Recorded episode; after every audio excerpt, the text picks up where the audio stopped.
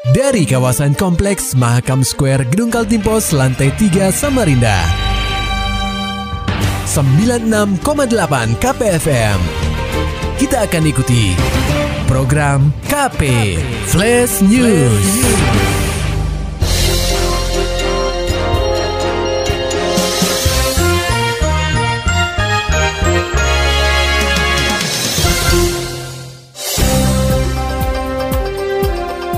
Anda sedang menyimak program KP Flash News bersama saya Agung Pratama. Pendengar KP pada Oktober 2022, indeks harga konsumen atau IHK Kaltim tercatat mengalami inflasi sebesar 0,17 persen. Angka ini menurun dibanding bulan September 2022 yang berada pada angka 0,85 persen. Kantor Perwakilan Bank Indonesia Kaltim mencatat inflasi tahunan Kaltim pada Oktober 2022 sebesar 5,83 persen, lebih tinggi dibanding capaian nasional yang berada di angka 5,71 persen. Kepala KPW Bank Indonesia Kaltim, Ricky P. Gozali menyebut berdasar kelompok pengeluarannya, inflasi pada Oktober 2022 bersumber dari peningkatan harga pada kelompok penyedia makanan. Inflasi yang terjadi pada kelompok penyedia makanan dan minuman atau yang disebut restoran sejalan dengan peningkatan keyakinan konsumen. Indeks keyakinan konsumen atau IKK yang dihitung berdasar survei konsumen Bank Indonesia Kaltim mengalami peningkatan dari 119,58 menjadi 133,67 poin sehingga tingkat konsumsi masyarakat pun meningkat dan berdampak pada inflasi kelompok penyedia makanan minuman sebesar 1,77 persen. Tekanan inflasi masih dapat ditahan dengan terkendalinya harga komoditas pangan. Kelompok makanan dan minuman serta tembakau mengalami deflasi sebesar 0,45 persen. Penurunan harga terjadi pada komoditas bawang merah, cabai merah, hingga cabai rawit.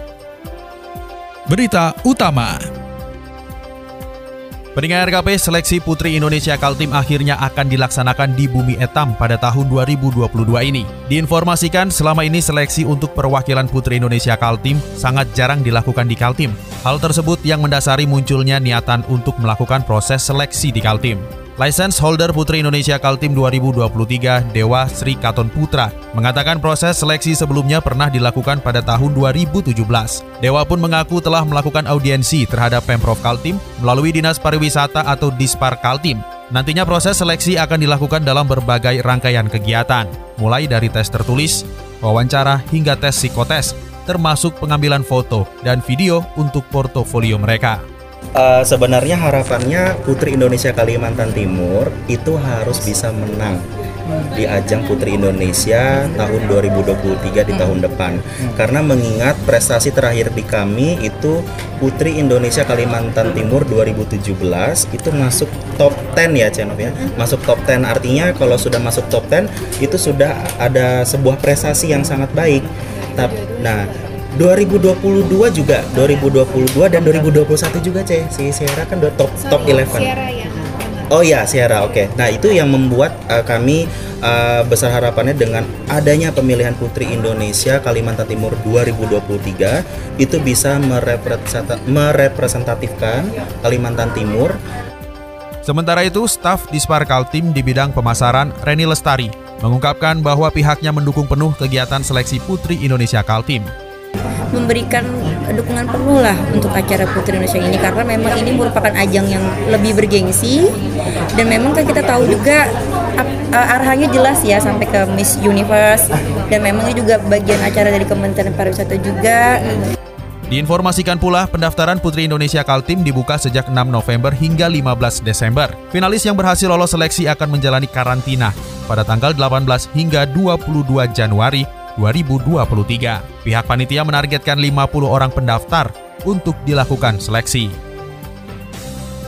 Pendengar RKP terpilihnya Penajam Pasir Utara atau PPU sebagai lokasi ibu kota negara atau IKN tentu memberi angin segar bagi masyarakat yang bermukim di Kabupaten Benuotaka atau sekitarnya pada serapan di sektor tenaga kerja. Kepala Dinas Tenaga Kerja dan Transmigrasi atau Disnakertrans Kaltim, Rozani Erawandi menuturkan, memang sejauh ini pihaknya belum mengetahui secara detail berapa jumlah masyarakat yang terbantu dengan hadirnya IKN. Tetapi sudah tentu secara tidak langsung ada pengaruh nyata yang dirasakan langsung oleh masyarakat, terutama pada pekerjaan di sektor formal atau informal. Bukan tanpa alasan, Rozani berkata demikian. Ia menilai aktivitas di Kabupaten PPU sudah mengalami peningkatan dan pastinya angkatan kerja yang ada dalam wilayah pembangunan IKN sudah ada yang terserap secara tidak langsung. Kalau imbas dari IKN, tentu saja kan ada pekerjaan formal, ada yang informal, ya. Tapi kalau kita lihat di sekitar lokal di PPU itu sudah sangat dinamis dan ada peke, apa, pelaku yang memastikan bahwa warga di sekitar itu sudah apa sudah memiliki mendapatkan pengaruh nyata dari pembangunan itu. Nah, cuma kan kita harus secara berwibawa melalui lembaga yang menyatakan itu terjadi. Maka yang kita pakai adalah pemberitaan dari statistik atau dari Dinas Tenaga Kerja setempat.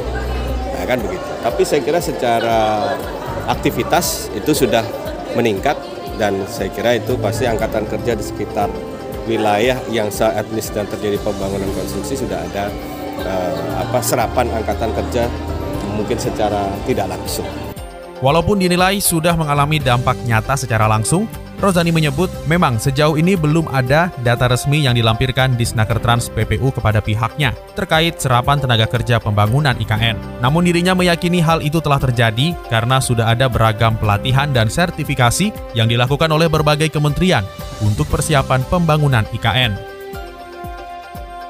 Sementara itu pendengar KP, Gubernur Kaltim Isranur berharap besar kepada Universitas Mula Warman atau UNMUL sebagai salah satu perguruan tinggi terbesar di bumi etam untuk bisa memberikan respon yang tanggap dengan ditunjuknya Kaltim menjadi lokasi IKN. Hal itu diutarakannya saat menghadiri acara Ramah Tamah Rektor Unmul periode 2022-2026 Dr. Haji Abdunur di halaman Rektorat Unmul pada Jumat 4 November 2022. Menurutnya, berada di sekitar IKN tentu menjadi modal positif bagi Unmul untuk bisa berkembang lebih baik, sekaligus menjadi tantangan tersendiri agar bisa memajukan dunia pendidikan di bumi etam. Orang nomor satu di benua etam ini berpendapat posisi Unmul sebagai perguruan tinggi negeri atau PTN di wilayah tengah ke timur saja sudah mampu membuat dirinya bangga. Apalagi nanti hadir dekat dengan kawasan IKN Nusantara. Tentu Pemprov Kaltim akan siap membantu Unmul dengan melakukan kerjasama sebisanya agar Unmul mampu berkembang lebih baik. Isran menambahkan, ke depannya Unmul akan membangun sebuah kampus di lokasi baru yakni di Bukit Soeharto, seluas kurang lebih 2.300 hektar. Kampus ini nantinya tidak ada tandingannya di dunia, di mana di sana nanti akan dikembangkan sebuah universitas dengan laboratorium ilmiah sebagai pusat pembelajaran hutan tropis. Pendengar KP dalam upaya mengendalikan inflasi daerah sekaligus memperingati Hari Pangan Sedunia, Pemprov Kaltim menggelar operasi pasar atau pasar murah secara serentak di 10 kabupaten kota. Pelaksanaan operasi pasar sendiri terpusat di Stadion Romdong Demang, Tenggarong, Kutai Kartanegara pada Senin 7 November 2022. Gubernur Kaltim Isranur hadir langsung dalam gelaran pasar murah ini dengan didampingi Kepala Pusat Data dan Informasi Badan Pangan Nasional, Kelik Budiana, serta Bupati Kukar, Edi Damansyah. Dalam kesempatan ini, orang nomor satu di benua etam tersebut mengapresiasi seluruh kepala daerah yang mampu mengendalikan inflasi dengan menjaga kestabilan harga bahan pokok serta mendukung kelancaran distribusi barang di daerahnya sehingga daya beli masyarakat tetap terjaga sampai saat ini. Isran mengatakan, secara umum Kalti memiliki beragam komoditi pangan yang cukup bervariasi, sehingga apabila berbicara mengenai ketahanan pangan, maka bumi etam tidak akan mengalami kekurangan atau krisis pangan. Namun semua itu akan sia-sia jika masyarakat tidak pandai mengelola itu semua. Lebih lanjut, Isran berharap agar pelaksanaan operasi pasar ataupun pasar murah ini bisa dilakukan secara berkala dengan menggunakan anggaran yang dialokasikan sebesar 2% dari dana transfer ke daerah untuk menekan laju inflasi pada komoditas bahan pokok. Tidak hanya pelaksanaan operasi pasar, pada momen ini juga Isranur memberikan paket sembako secara simbolis kepada kelompok masyarakat prasejahtera serta bantuan langsung tunai kepada berbagai pelaku usaha di Kukar. Sesaat lagi kita akan simak Parlamentaria DPRD Kaltim persembahan dari 968 KPFM Samarinda.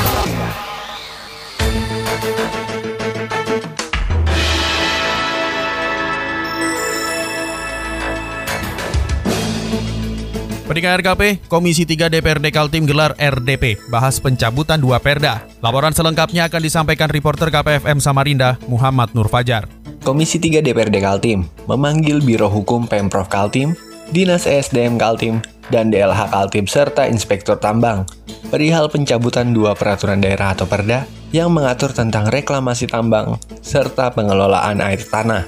Ditemui usai rapat, Ketua Komisi 3 DPRD Kaltim, Feridiana Hurakwang, menerangkan, audiensi ini dilakukan untuk menggali dampak buruk dari pencabutan dua perda tersebut. Memang, dasar hukum pencabutan dua perda ini adalah Undang-Undang Cipta Kerja dan Undang-Undang Minerba. Meski demikian, pihaknya selaku wakil rakyat ingin menggali apakah pencabutan dua perda ini akan mempengaruhi struktur organisasi, pendapatan asli daerah atau PAD, serta dampak lingkungan.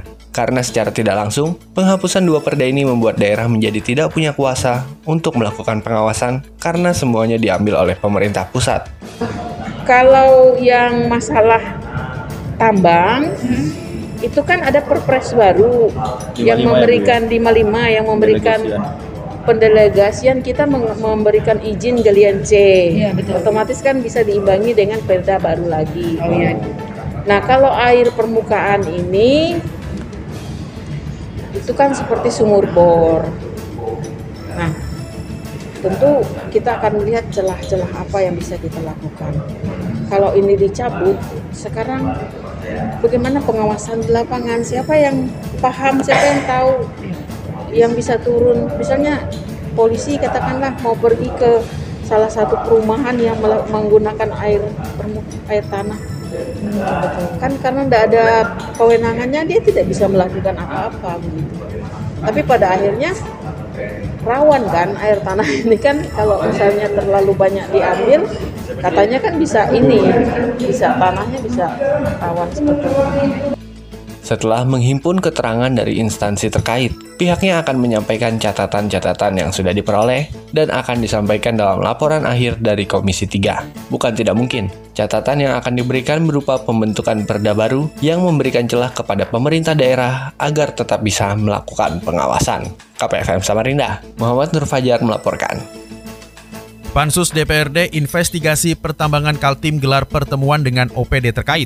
Bahas 21 IUP yang diduga palsu. Laporan selengkapnya disampaikan reporter KPFM Samarinda, Maulani Alamin.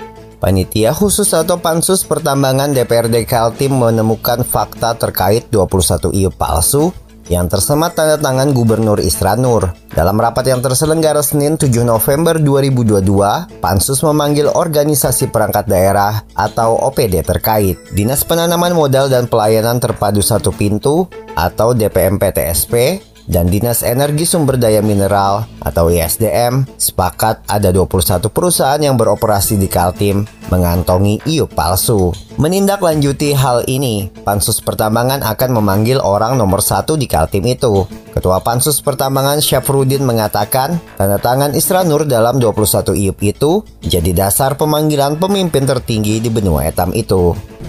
Ini kan udah jelas semua OPD itu udah mengakui bahwa itu adalah IU palsu. Nah, tapi uh, persoalannya itu izin IUP-nya itu ditandatangani oleh saudara gubernur.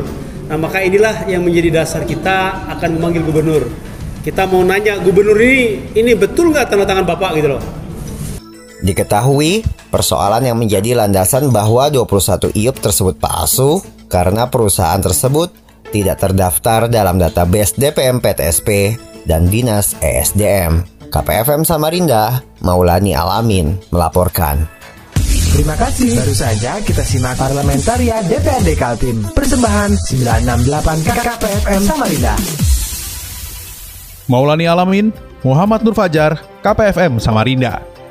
Serta dapatkan berita-berita selengkapnya di www.968kpfm.co.id. Demikian tadi telah kita simak rangkaian berita-berita yang terangkum dalam program KP Flash News. Persembahan dari 96,8 KPFM. Terima kasih dan sampai jumpa.